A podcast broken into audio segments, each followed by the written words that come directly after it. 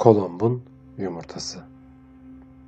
Sarı kurdeler ile duvara asılan turuncu, mavi, nefti renkli kartonlara yazılı şiirleri ilgiyle okuyan kalabalığın arasına karışarak Said Faik Abasyanık'ın Orhan Murat Arıburnu'na yönettiği soruya kulak veriyoruz.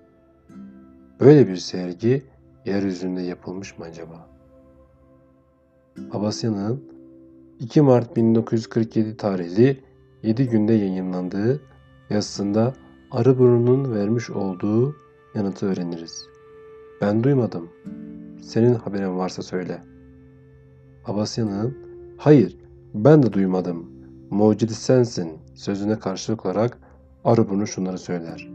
Mühim şey değil ki Kristof Kolomb'un yumurtayı durdurması kabilinden.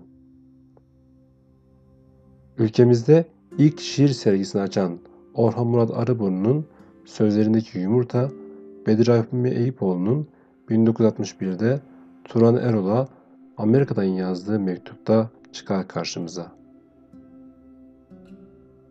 Rothko'nun rengi değerlendirmesi Kristof Kolomb'un yumurtaya oturması kadar sade bir gerçeğe dayanıyor.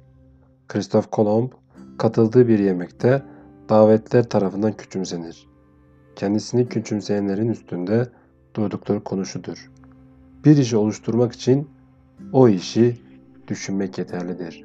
Zeki bir insan olduğunu kanıtlamak amacındaki Kolomb eline bir yumurta alarak sofradakilerden bunu uçlarından bir üzerine durdurmalarını ister. Hiç kimse yumurtayı o şekilde durdurmayı başaramaz. Bunun üzerine Kolomb yumurtanın bir ucunu kırarak dikine oturtur. Kendisine bu zor değil diye çıkışanlara da alaycı bir tavır takınarak şu karşılayabilir. Şüphesiz fakat düşünmek gerekirdi.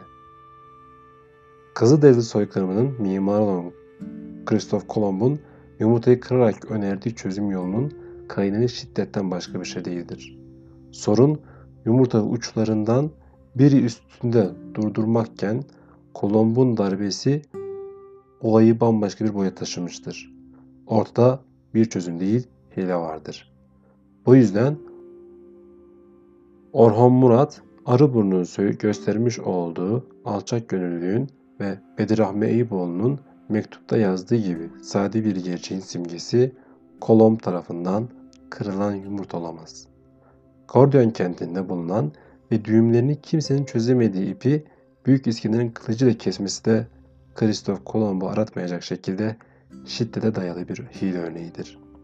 Tarih sayfalarında yer alan bu iki olayın sanki büyük bir marifetmiş gibi anlatılmaları zorbalığın dışa vurma şeklinde yansıtılmamaları son derece yanlıştır.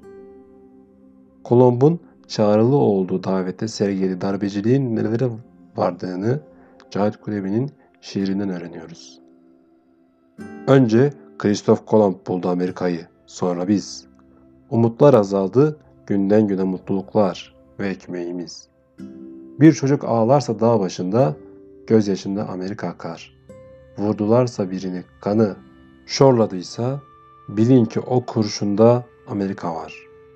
Kişi kişiye köle tutulduysa, asıldıysa dar ağaçlarında Amerika var. Ama biz yine de direneceğiz sonuncumuza kadar. Süleyman Demirel'in söylemiş olduğu bir söz asla unutulamaz. Bana sağcılar adam öldürüyor dedirtemezsiniz. Amerika'nın kuklası olan bir partinin liderinin yapmış olduğu bu açıklama Cahit Kulebi'nin bilin ki o kurşunlarda Amerika var dizesiyle birbirine karşıttır. Şiirin yazılmış olduğu ve sözlerin söylenmiş olduğu yıllar üstünden çok kanlar akar. Ve Cahit Kulebi, Cumhurbaşkanlığı koltuğunda oturan Süleyman Demirel'in kendisine sunduğu ödülü kabul eder. Şairler yaşantıları boyunca bir sepet yumurta taşırlar kollarında. Kırmamaları gereken.